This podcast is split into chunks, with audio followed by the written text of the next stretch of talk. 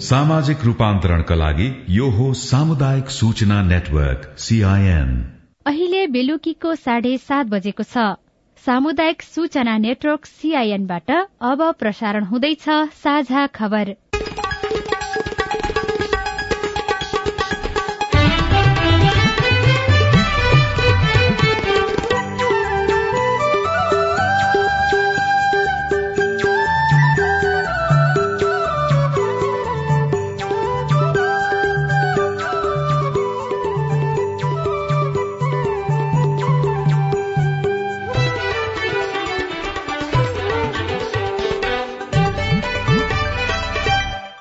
सीआईएनको साझा खबरबाट दीपक आचार्यको नमस्कार।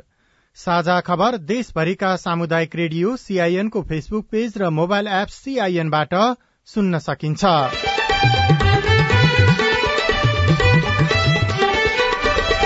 सरकारको आमदानी भन्दा खर्च बढ़ी। आर्थिक वर्षको नौ महिनामा पुँजीगत खर्च अठाइस प्रतिशत मात्र। राजस्व लक्ष्यको आधा भन्दा उठ्यो। बजेट प्रणालीमा पुनर्विचार गर्न अर्थविदको माग। तीनटा तहका सरकारहरूको बीचको क्षेत्राधिकार छ त्यसलाई स्पष्ट गरेर त्यसभित्रको दोहोरो पनि हटाउनु पर्ने अवस्था छ। वाणिज्य ब्याङ्कहरू आजदेखि नयाँ ब्याज दर लागू गर्दै विभिन्न क्षेत्रका सात सय अठाइसलाई विभूषण तथा मान पदवी वितरण गण्डकी प्रदेशसभाको अधिवेशन वैशाख नौ गते शुरू हुने।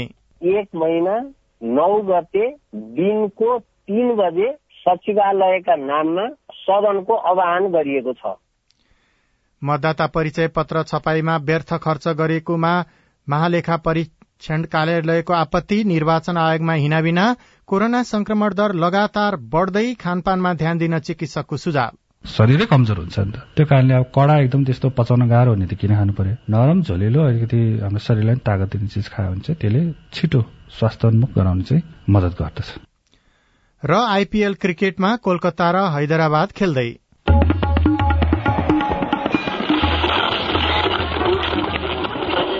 सयौं रेडियो। हजारौं रेडियो कर्मी र करोड़ौं नेपालीको माझमा यो हो सामुदायिक सूचना नेटवर्क सीआईएन केही दिन अघि राष्ट्रिय सभाले पारित गरेको विधेयकमा सार्वजनिक पदाधिकारीमाथि मुद्दा हाल्नको लागि हदम्याद राखेको बारेमा सांसदहरूको व्यापक विरोध भइरहेको छ। विधेयकका कारण अब नक्कली शैक्षिक प्रमाणपत्र पेश गरेका घुस खाएका राजस्व छलेका गैर कानूनी सम्पत्ति आर्जन गरेका सार्वजनिक पदाधिकारीहरूमाथि पाँच वर्षभित्र मुद्दा चलाउनु पर्नेछ। त्यसपछि चलाउन पाउने छैन। गलत गर्नेका आफन्तलाई समेत मृत्युपछि पनि नछोड्ने व्यवस्था विकसित देशहरूमा हुँदा हाम्रो देशमा भने भ्रष्टाचारीलाई जोगाउनको लागि सांसदहरू नै सक्रिय रूपमा लागेका छन्। अब खबर अविनाश आचार्यबाट। चालू आर्थिक वर्षको नौ महिनासम्म सरकारले आमदानी भन्दा खर्च धेरै गरेको पाइएको छ। महालेखा नियन्त्रक कार्यालयका अनुसार साउनदेखि चैत मसान्तसम्म सरकारले आमदानी भन्दा दुई दशमलव नौ प्रतिशत बढ़ी खर्च गरेको हो। यी नौ महिनामा सरकारको घाटा बजेट दुई खर्ब अठार अर्ब सन्ताउन्न करोड़ नागेको कार्यालयले जनाएको छ। यो अवधिमा संकलन भएको राजस्वले चालू खर्च धान्न नसक्ने अवस्था रहेको छ यस्तै सरकारले यो आर्थिक वर्षका लागि छुट्याइएको बजेट खर्च पनि बढ़ाउन सकेको छैन। महालेखा नियन्त्रक कार्यालयका अनुसार नौ महिनामा सरकारले बाहन्न दशमलव पाँच सात प्रतिशत मात्र बजेट खर्च गरेको छ जसमा पुँजीगत खर्च जम्मा अठाइस प्रतिशत रहेको छ चालूतर्फ करिब साठी प्रतिशत खर्च भएको कार्यालयले जनाएको छ। चालू बजेट भनेको तलब भत्ता लगायतको खर्च हो भने पुँजीगत खर्च भनेको विकास निर्माणमा हुने खर्च हो। वर्षेनी विकास बजेट खर्च गर्न नसकेको भन्दै सरकारको आलोचना हुने गरेको छ तर सरकारले यो खर्च बढ़ाउन सकिरहेको छैन। सरकारले किन बजेट खर्च गर्न सकेन? यसो गर्दा अर्थतन्त्रमा के फरक पर्छ? सीआईएनसँग कुरा गर्दै अर्थशास्त्री चन्द्रमणि अधिकारीले भन्नुभयो। एकातिर सार्वजनिक क्षेत्रको लगानी नभएर पूर्वाधार निर्माण भएन त्यसले तान्ने निजी क्षेत्रको लगानी प्राप्त भएन। निजी क्षेत्रको लगानी प्राप्त नभएपछि उद्योगहरू नचल्ने अवस्था भयो। त्यस कारणले गर्दा त्यसको समग्र असर चाहिँ अनि उत्पादनमा पर्यो आयमा पर्यो रोजगारीमा पर्यो राजस्वमा पर्न गयो। अब यो अवस्थामा सरकारले तत्कालै सोच्न पर्ने कुराहरू केही छन् अथवा हाम्रो नीति नै फेर्न पर्ने छ कि के देख्नुहुन्छ तपाईँ? अब एउटा चाहिँ नीतिमै पनि पुनरावलोकन गर्नुपर्ने छ दोस्रो बजेट प्रणालीमा पुनरावलोकन छ तेस्रो भनेको चाहिँ तिनवटा तहका सरकारहरूको बीचको क्षेत्राधिकार छ त्यसलाई स्पष्ट गरेर त्यसभित्रको दोहोरो पनि हटाउनु पर्ने अवस्था छ। त्यसो भयो भने भोलिका दिनमा पुँजीगत खर्च हुने अवस्था सिर्जना हुन्छ र त्यसले अर्थतन्त्रलाई सकारात्मक योगदान दिन्छ। आर्थिक वर्षका नौ महिना बितिसक्दा सरकारी राजस्व संकलन पनि वार्षिक लक्ष्यको करिब आधा मात्र भएको छ। चालू आर्थिक वर्षका लागि सरकारले चौध खर्ब अन्ठाउन्न अर्ब साठी करोड़ त्रिपन्न लाख रूपियाँ राजस्व संकलन गर्ने लक्ष्य राखेकोमा नौ महिनामा सात खर्ब चौबिस अर्ब सत्तालिस करोड़ त्रिचालिस लाख रूपियाँ मात्र राजस्व संकलन भएको कार्यालयले जनाएको छ। यस वर्ष पचपन्न अर्ब चौवन्न पचपन्न अर्ब पैंतालिस करोड़ त्रियासी लाख बराबर वैदेशिक अनुदान लिने सरकारी लक्ष्य रहेकोमा अहिलेसम्म आठ दशमलव छ छ प्रतिशत मात्र अनुदान आएको छ। निर्वाचन आयोगले छापेको मतदाता परिचय पत्रको औचित्यमाथि महालेखा परीक्षकको कार्यालयले प्रश्न उठाएको छ। कार्यालयको साठौं प्रतिवेदनले मतदाता परिचय पत्र छपाईमा भएको खर्च औचित्यहीन भएको ठहर गएको छ। स्थानीय तह निर्वाचन दुई हजार चौहत्तरको तुलनामा दुई हजार उना अस्सीमा भएका निर्वाचनका लागि छत्तीस लाख एकसठी हजार दुई सय उनासय मतदाता थप भएका थिए तर यसबीचमा पैंतालिस लाख मतदाता परिचय पत्र छपाई गर्न एक करोड़ उना अस्सी लाख दस हजार लागत अनुमान स्वीकृत गरिएको प्रतिवेदनमा उल्लेख छ जसमा पाँच लाख पचास हजारमा सम्पन्न गर्ने गरी सम्झौता भएकोमा एकतीस लाख सतासी हजार पचपन्न थान छपाई गरी अडसठी लाख चौवालिस हजार भुक्तानी गरिएको देखिएको प्रतिवेदनमा उल्लेख गरिएको छ। आयोगले नेपाली नागरिकताको प्रमाणपत्र राष्ट्रिय परिचय पत्र राहदानी वा जग्गा धनी प्रमाण पूर्जाको सकल प्रमाणका आधारमा मतदान गर्न पाउने निर्णय गरेपछि मतदाता परिचय पत्र छपाईमा गरिएको खर्च औचित्यहीन भएको बताएको हो। निर्वाचन आयोगका कर्मचारीका अनुसार आयोगले पनि यसको औचित्यबारे विचार गरिरहेको छ। सीआईएनसँग कुरा गर्दै आयोगका प्रवक्ता शालिग्राम शर्माले मतदाता परिचय पत्र पनि राष्ट्रिय परिचय पत्रसँगै समावेश गर्न सकिने भएकाले आयोगले छलफलपछि निर्णय लिने बताउनु भयो? भोलिका दिनमा अब यदि हामीले हाम्रो भोटर आइडीलाई एनआइडीसँग कनेक्ट गर्न सकियो भने अब त्यो एउटा चाहिँ नि सफ्टवेयर मार्फत कनेक्ट हुन सक्यो भने आयोगले आयोगलाई चाहिने चिजहरू पनि त्यो एनआइडीमा रहने र अब त्यसो भयो भने भोलिका दिनमा आयोगले त्यो भोटर परिचय पत्र बनाउनु पर्दैन कि भन्ने चाहिँ लाग्छ तर यद्यपि यो आयोगले निर्णय गर्ने विषय हो यसमा आगामी दिनमा आयोगले उचित निर्णय गर्ला। केही दिन यता नेपालमा कोरोना संक्रमणको दर लगातार बढ़िरहेको छ। हिजो एक हजार चार सय अठासी नमूनाको परीक्षण गर्दा एक सय छ जनामा संक्रमण देखिएकोमा आज एक हजार चार सय चौविस जनामा परीक्षण गर्दा एक सय छत्तीस जनामा संक्रमण फेला परेको छ। स्वास्थ्य तथा जनसंख्या मन्त्रालयका अनुसार अहिले देशभर चार सय एकजना सक्रिय संक्रमित रहेका छन्। तीमध्ये तीनजनाको भेन्टिलेटरमा राखेर उपचार भइरहेको छ। पछिल्लो समय कोरोना संक्रमितको संख्या बढ़दै गएकाले सतर्कता अपनाउन सरकारले आग्रह गर्दै आएको छ। सीआईएनसँग कुरा गर्दै संक्रामक रोग विशेषज्ञ डाक्टर शेरबहादुर पुनले संक्रमण पुष्टि भएका मानिसले पनि खानपानमा विशेष ध्यान दिन आग्रह गर्नुभयो। कमजोर हुन्छ भाइरल इन्फेक्सन हो त्यो कारणले गर्दाखेरि झोलिलो चिजहरू सुपर प्रशस्त पिउनु खानु होइन? अब तपाईँ हामी एकदम कमजोर भइरहेको अवस्थामा मासु त पचाउनु पर्ने हुन्छ। त्यस्तो किन खाने? त्यही कारण त हामीले नरम झोलिलो चिज खानु भनेको कारण त्यही हो। न कि त्यो खानै नमिल्ने होइन तर तपाईँ कमजोर हुनुहुन्छ भने अथवा तपाईँको पाचन प्रक्रिया कमजोर हुन्छ होइन? शरीरै कमजोर हुन्छ नि त। त्यो कारणले अब कडा एकदम त्यस्तो पचाउन गाह्रो हुने त किन खानु पर्यो? नरम झोलिलो अलिकति हाम्रो शरीरलाई तागत दिने चिज खायो भने चाहिँ त्यसले छिटो स्वास्थ्योन्मुख गराउन चाहिँ मद्दत गर्दछ। कोरोना विरूद्धको खोप कम्तीमा दुई मात्रा र सम्भव भए बुस्टर मात्रा समेत लगाएर सुरक्षित रहन पनि उहाँले आग्रह गर्नुभयो। यसैबीच कोरोना संक्रमण परीक्षणका लागि खरिद गरिएका मध्ये सत्र लाख भन्दा धेरै थान किट प्रयोगविहीन बन्ने अवस्थामा पुगेका छन्। मौजदातको अवस्था नहेरी स्वास्थ्य सेवा विभागले उन्तिस करोड़ एकासी लाख चौविस हजार रूपियाँको थप किट खरिद गर्दा सो मात्रामा किट प्रयोगविहीन हुने अवस्थामा पुगेको महालेखा परीक्षकको कार्यालयले सार्वजनिक गरेको प्रतिवेदनमा उल्लेख छ।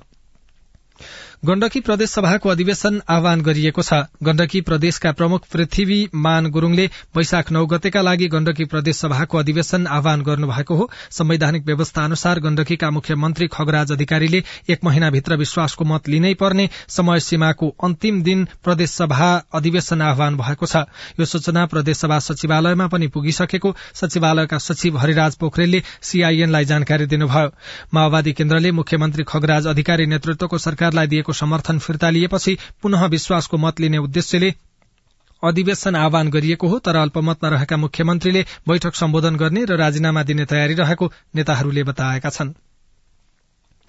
राष्ट्रपति रामचन्द्र पौडेलले सात सय अठाइस जनालाई विभिन्न मान पदवी प्रदान गर्नुभएको छ।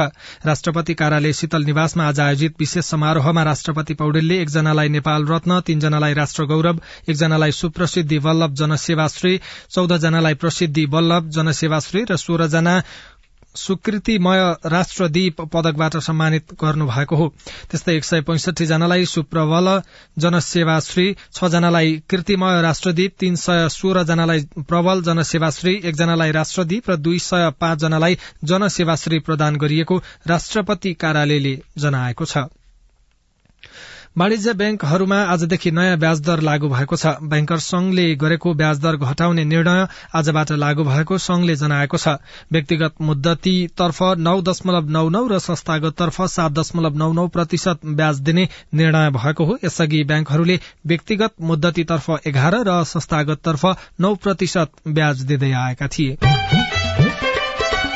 साझा खबरमा अब खेल खबर। आइपीएल क्रिकेटमा आज कोलकाता नाइट राइडर्स र सनराइजर्स हैदराबाद खेल्दैछन्। केही बेरमा कोलकातामा शुरू हुने खेलमा टस हारेर हैदराबादले पहिले ब्याटिङ गर्ने भएको छ। प्रतियोगितामा अहिलेसम्म खेलेका तीन मध्ये दुई खेल जितेको कोलकाता तालिकाको चौथो स्थानमा छ भने तीन मध्ये एक खेल मात्र जितेको हैदराबाद नवौं स्थानमा छ। अविनाश आचार्य।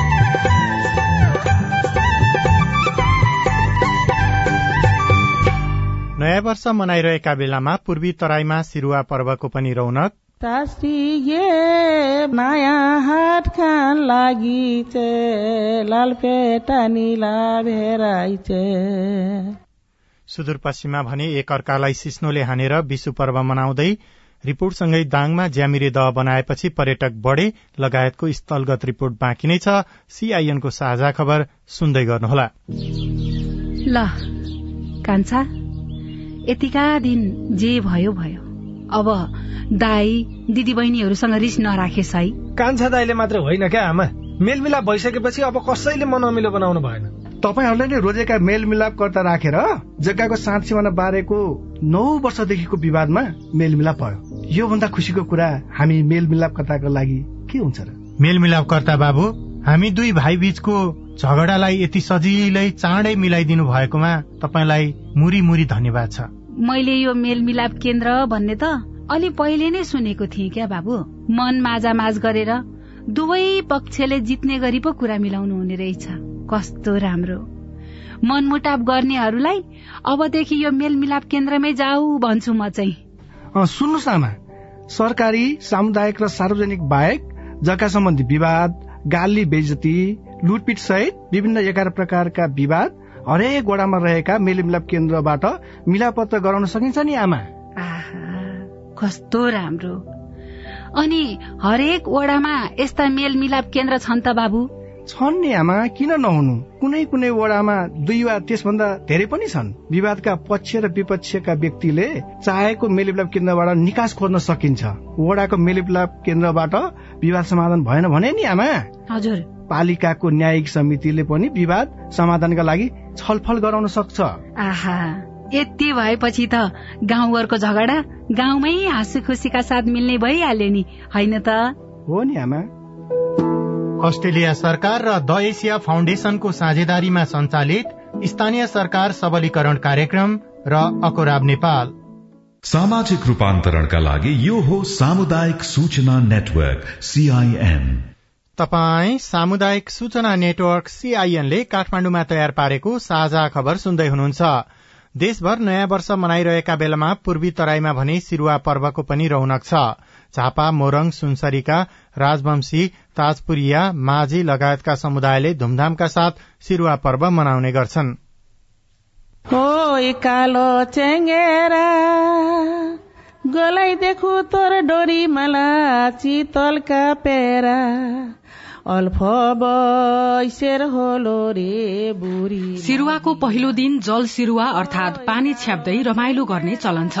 आज नाचगान र रमाइलोसँगै सात प्रकारका सागपात मिसाएर बनाइएको विशेष परिकार सागसागी पनि खाइन्छ। दोस्रो दिन भोलि काद अर्थात हिलो र सिरुवाको मुख्य दिन पर्सी रंग खेलेर नयाँ वर्षको खुशियाली साटासाट गर्छन्। सिरुवा पर्वको अवसरमा नजिकैका खोला वा नदीमा नुहाई धुवाई गरी तिस्ताबुरी माताको पूजा आजा गरी गीत गाउँदै रमाइलो पनि गरिन्छ।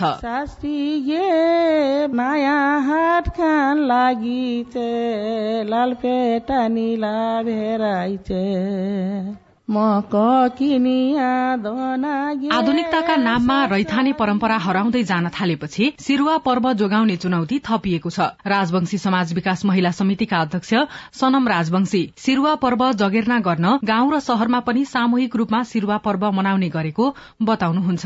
सामूहिक रूपमा चाहिँ हामी यो पानी हिलो कादव रङ हामी एकदम सामूहिक रूपले खेल्छौं र यो सबैले देख्नुपर्छ सबैले खेल्नुपर्छ भन्ने चाहिँ सबैलाई जानकारी र चेतना पनि होस् र सबैलाई सन्देशमूलक पनि होस् भन्न चाहन्छु। सिरुवा पर्वको जगेर्ना गर्न स्थानीय सरकारले पनि होस्टे हैसे गरिदियोस् भन्ने समुदायको आशा छ। राजवंशी समाज विकास समितिका केन्द्रीय अध्यक्ष अभय राजवंशी। सिरुवा पर्वको संरक्षण र प्रवर्धनको लागि सरकारले राज्यले स्थानीय सरकारले बजेट विनियोजन गर्दै सिरुवा पर्वलाई चाहिँ अझै बढावा दिएर चाहिँ यसपालि हामी पनि सम्मिलित हुन्छौ भन्ने हिसाबले चाहिँ प्रत्येक वर्ष यसलाई चाहिँ नियम बनाएरै मनाउनु पर्ने चलन चाहिँ शुरू गर्नुपर्छ जस्तो मलाई लाग्छ। समुदाय र स्थानीय सरकारले सरकारले हातेमालो गर्न सके। इतिहास र पहिचान बोकेको सिरुवा र यस्ता अन्य पर्व पुस्तौ पुस्तासम्म चल्ने थिए। सुषमा राजवंशी सीआईएन रेडियो साथी झापा।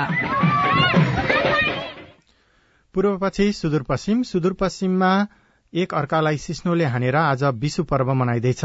सामान्यतया नयाँ वर्ष अर्थात वैशाख शुरूसँगै रोग व्याधि महामारी र अनिकालको समय शुरू हुने र सिस्नु लगाउँदा शरीरका सबै विषाक्त नष्ट हुने विश्वासका साथ विशु पर्व मनाइन्छ। विशु पर्व मनाउनका लागि घर बाहिर रहेका दाजुभाइ फर्किन्छन् भने छोरी चेली माइत जान्छन्। बैतडी पाटनका सीता भट्ट। नयाँ सालको सबैलाई शुभकामना बाँड्छौँ राम्रो राम्रो खानेकुराहरू पकाउँछौँ चेलीबटी माइत बोलाउँछौँ। बाहिर गएका सबै घर आउँछन् र खुसियाली साथ यो चाडपर्व मनाउँछौँ सिन्नु खेल्छौँ सिन्नु खेली यो राम्रोसँग हाँसी खुसी साथ बिताउँछ। विशु पर्व सुदूरपश्चिमका विभिन्न ठाउँमा फरक फरक तरिकाले मनाइन्छ। यसमा पकाइने परिकार पनि ठाउँ पिच्छे फरक फरक हुन्छन्। डडेलधुराको अमरगढी पाँचका गीता भण्डारी। सेल पुरी लाउनु बटको पकाउनु। छोरी माइत हुन्छन् निको खाना खानु। बजारका मासु भात पकाउन हम गाउँ घर विशु मान्नु देश परदेशका घर आउन रमाइलो गर्दौ हाँसी खेली। विशु पर्वमा संक्रान्तिको बिहान खीर बाबर र भात खाइन्छ। मासु चामलको रोटी र तेलमा राखेर पकाइएका स्थानीय खानेकुरा विशु पर्वका लागि मुख्य खाद्य वस्तु हुन्। सिस्नु लगाउँदा शरीरका सबै विषाक्त वस्तु नष्ट हुने छालाको रोग निको हुने र वर्षभरि रोग व्याधिले नछुने मान्यता रहिआएको छ।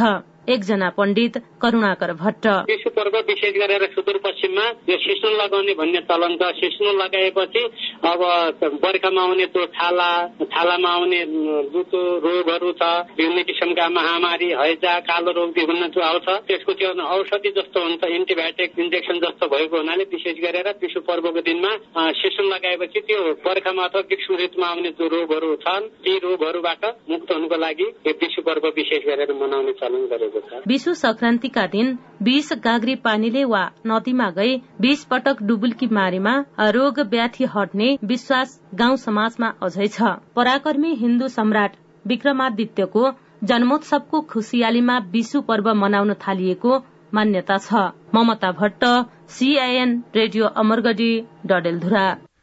तपाई सामुदायिक सूचना नेटवर्क सीआईएनले काठमाडौँमा तयार पारेको साझा खबर सुन्दै हुनुहुन्छ।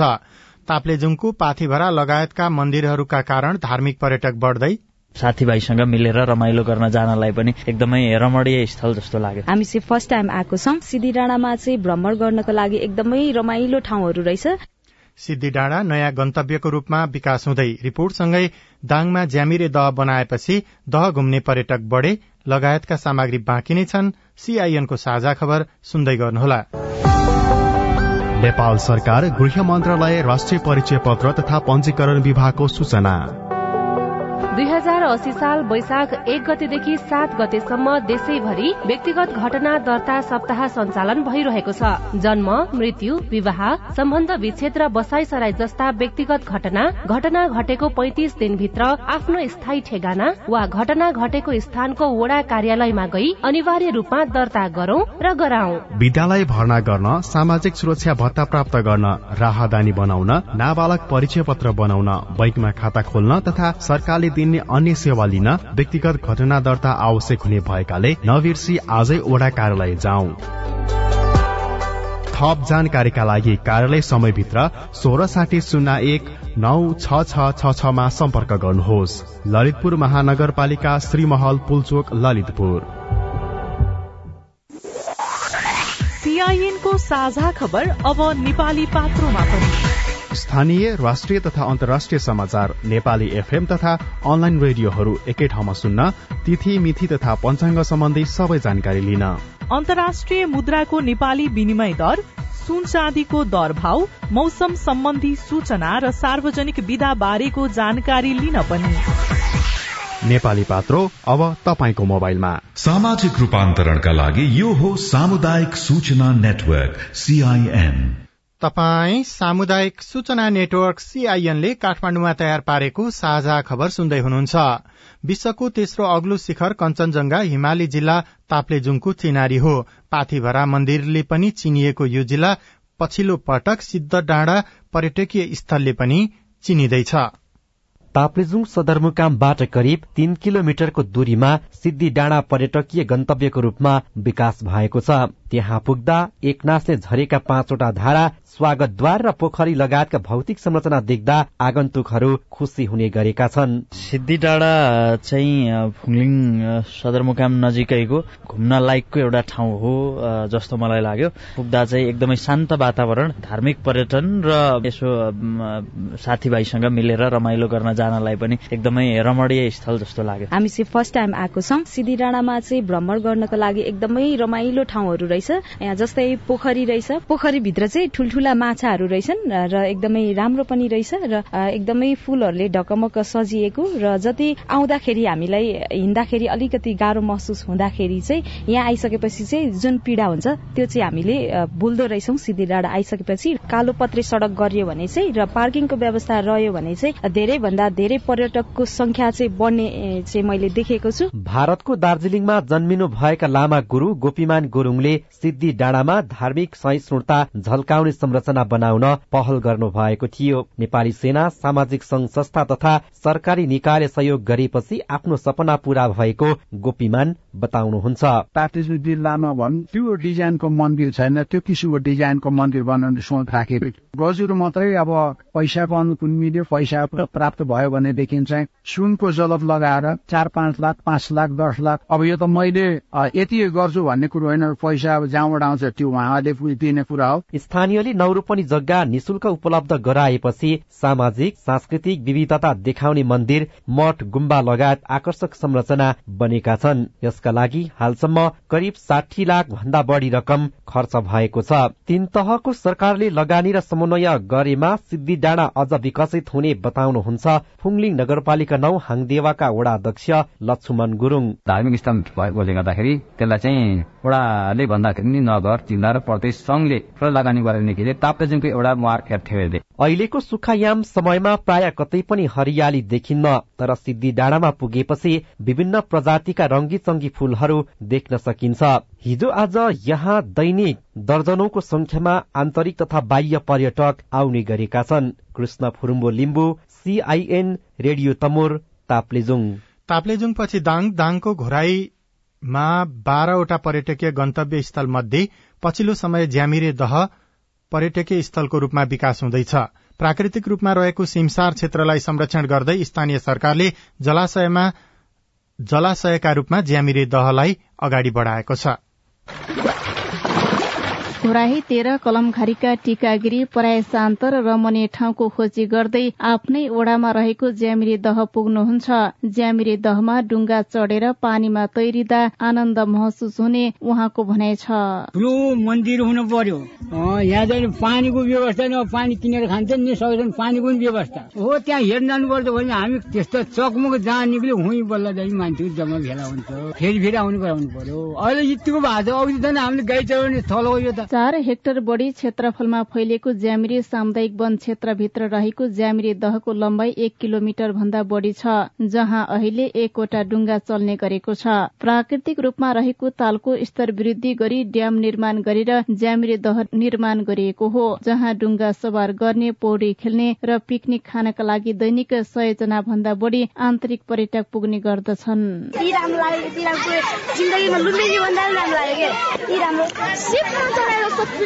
ज्यामिरी दह घुम्न आउने पर्यटकको संख्या बढ्दै गएपछि जलाशय स्थलमा अन्य व्यवसाय गर्ने व्यवसाय पनि बढ़िरहेका छन्। पानी बेच्ने चना चटपट चिया कफीको व्यापार गर्नेहरूलाई पनि फाइदा भएको छ।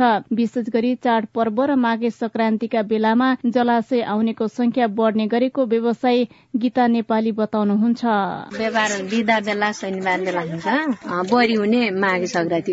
ज्यामिरी दह दाङकै ठूलो ताल भए पनि प्रचारको भने अभाव देखिएको छ।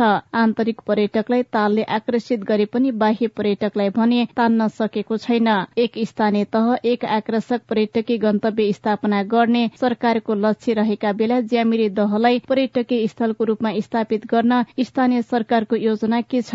घोराई उपमहानगरपालिकाका प्रमुख नरूलाल चौधरी। अब ठुला साना होटेलहरू खोल्न सुरु गरिसकेका छन् र अब तिनी तालहरूलाई हामी बोटिङ गर्ने र माछा लगायतका विभिन्न चिजहरूलाई हेर्ने वातावरण चाहिँ बनाउँछौ। अहिले तत्काललाई हामी मुख्य गरिकन पर्यटन क्षेत्रबाट आर्थिक आमदानी कसरी हुन्छ नागरिकहरूको त्यो दिशातिर हामी चाहिँ अगाडि बढ्न चाहिरहेको कोराही बजारबाट लखन पार्क हुँदै तीस मिनटको यात्रा गरेपछि यो दह पुगिन्छ। कोराहीबाट करिब चार किलोमिटरको दूरीमा रहेको बाह्रकुने दह पुग्ने हरेक पर्यटकले ज्यामिरे दहसम्म पुर्याउन सके। पर्यटन प्रवर्धनमा टिवा पुग्ने देखिन्छ। सुशीला ओली सीआईएन रेडियो मध्य पश्चिम दाङ। स्थानीय सरकारले पर्यटन प्रवर्धनका योजना कार्यान्वयन गर्दा आन्तरिक तथा बाह्य पर्यटकको चहल पहल बढ़दै गएको छ। पर्यटनलाई इतिहाससँग जोड्न पार्कमा कला अभियान केही वर्षदेखि चलिरहेको छ। अभियन्ता तथा लुम्बिनी विकास कोषका कोषाध्यक्ष ढुण्डीराज भट्टराईसँग साथी लीलप्रकाश चन्दले कुराकानी गर्नुभएको छ। बनिरहेका पार्कहरू हुन्छन् नि त्यसलाई कलायुक्त बनाउने विभिन्न प्रस्तर काष्ट फोटो पेन्टिङ होइन? त्यहाँको ऐतिहासिकतासम्म जोडेर थिममा आधारित पार्कहरू बनाउने अभियान चलाइरहेका छौँ अहिले। कति पार्कहरूमा कला त्यो निर्माण गर्ने त्यो सजावटको काम अथवा कहाँ कहाँसम्म पुग्ने के छ त्यस बारेमा बताउनुहोस् न। कुलीय गणराज्यका प्राचीन पात्रहरू यशोधरा मायादेवी प्रजापति सुप्रबुद्ध लगायतका पात्रहरूको मूर्ति स्थापना गर्ने र उनीहरूले दिने सन्देशलाई चाहिँ पार्कमा स्थापित गर्ने। त्यसलाई चाहिँ यसै फालिएका काठहरूकालाई हामीले मूर्तिको रूपमा त्यसलाई सन्देशको रूपमा स्थापित गरेर त्यो मेसेज चाहिँ नयाँ पुस्तालाई डेलिभर गर्ने एउटा चाहिँ क्याम्पेनको रूपमा हामीले चाहिँ स्थापित गरेका छौँ।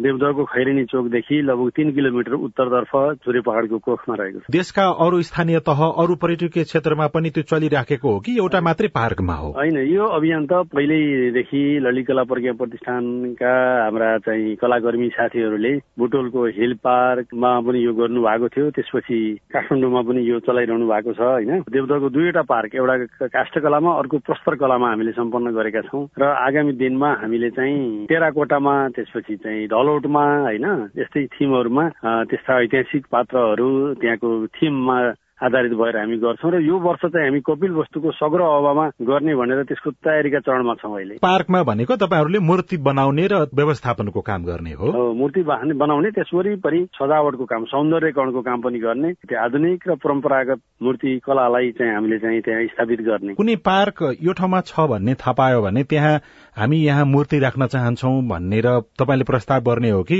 मूर्ति राख्नु पर्यो त्यसको लागि सहयोग गर्नु पर्यो भनेर तपाईँ समक्ष आउनु पर्यो। फन्डिङ प्रोग्राम होइन यो ऐतिहासिक ठाउँ छ तर त्यसलाई प्रमोसन गर्दाखेरि पर्यटकहरूको विकास हुने सम्भावना छ भने त्यसलाई हामीले थोरै एउटा स्थानीय जनताको जागरूकतासँग सँगसँगै नगरपालिका स्थानीय सङ्घ संस्था प्रदेशको साझेदार सरकारसँग सरकारवालासँग समन्वय गरेर गर्ने काम हो। मूर्तिकारलाई त मलाई एउटा मूर्ति बनाउन दिनुभयो भने तिन चार लाख पाँच लाखसम्म खर्च हुन सक्छ होइन? तर एउटै अभियानमा त्यो अभियानसँग उत्सवसँग जनताको सहभागितासँग अनि त्यसको चाहिँ चेतनासँग चेतना निर्माणसँग एडभोकेसीसँग सबै कुरालाई हामीले एकैचोटि जोड्छौँ। चालू आर्थिक वर्षको नौ महिनासम्म सरकारले आमदानी भन्दा खर्च धेरै गरेको पाइएको छ। बजेट प्रणालीमा पुनर्विचार गर्न अर्थविदले सुझाव दिएका छन्। निर्वाचन आयोगले छापेको मतदाता परिचय पत्रको औचित्यमाथि महालेखा परीक्षकको कार्यालयले प्रश्न उठाएको छ। सात सय अठाइस जनालाई विभूषण र मान पदवी वितरण भएको छ। दलहरूले गोप्य रूपमा पदकका लागि भागभण्डा गर्ने प्रचलनको भने विरोध भएको छ। वाणिज्य बैंकहरूमा आजदेखि नयाँ ब्याज दर लागू भएको छ र आइपीएल क्रिकेटमा अहिले कोलकाता र हैदराबाद खेल्दैछन्। हवस् त आजलाई साझा खबरको समय सकियो। प्राविधिक साथी सुभाष पन्तलाई धन्यवाद। भोलि वैशाख दुई गते बिहान छ बजेको साझा खबरमा फेरि भेटौँला। अहिलेलाई भनी म दीपक आचार्य पनि विदा हुन्छु। नमस्कार शुभरात्री।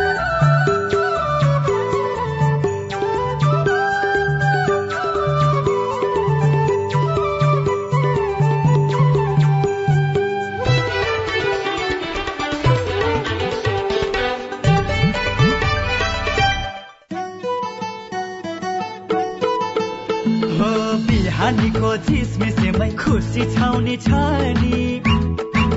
हजुरको हजुरको हजुरको घर घर आउँछौ सेवा गर्न हामी। हाम्रो एक दशक भन्दा बढीको सम्बन्ध कहाँ खेर जान दिन्छौ र? हामी आउँदैछौ तपाईँहरूको घर घरमा खुसीको कनेक्सन लिएर। हो खुसीको कनेक्सन। शान्ति हाम्रो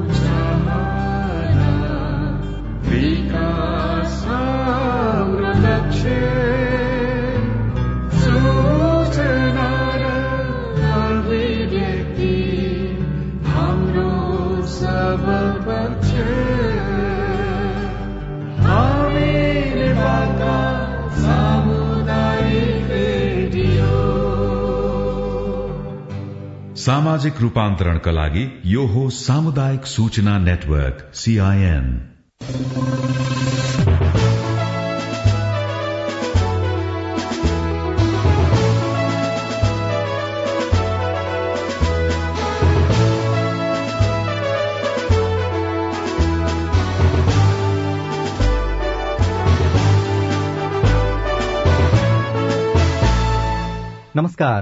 हेलो सांसदमा तपाईँलाई हार्दिक स्वागत छ। म राजन रुचाल। आजको हेलो सांसदमा हामीसँग हुनुहुन्छ नवलपरासी दुईबाट निर्वाचित सांसद ध्रुव बहादुर प्रधान। उहाँ चाहिँ पूर्व मन्त्री पनि हुनुहुन्छ निवर्तमान मन्त्री। त्यस्तै राप्रपाका उपाध्यक्ष पनि हुनुहुन्छ। यहाँलाई स्वागत छ सीआईएनमा धन्यवाद। तपाईँ चाहिँ डेढ महिना दुई महिना अगाडिसम्म मन्त्री हुनुहुन्थ्यो होइन? हजुर। कानून न्याय तथा संसदीय मामिला मन्त्री। हजुर हजुर। कति दिन हुनुभयो मन्त्री? चालिस दिन। कस्तो अनुभव रह्यो तपाईँको? यो क्षेत्र मेरो लागि त्यति अपरिचित चाहिँ थिएन किनकि कानून व्यवस्था नै व्यवस्थित गर्ने सन्दर्भमा पालन गराउने सन्दर्भमा मैले राम्रो अनुभव प्राप्त गरिसकेको थिएँ। अध्ययन अध्यापनका कुराहरूमा पनि रहेँ। त्यो वास्तविक रूपमा अत्यन्त महत्वपूर्ण स्थान कानून मन्त्रालय रहेछ भन्ने कुरा मलाई लागेको छ। जस्तो तपाईँले त्यहाँ बसेर काम गर्दै गर्दाखेरि चालिसवटा दिन जम्मा काम गर्नुभयो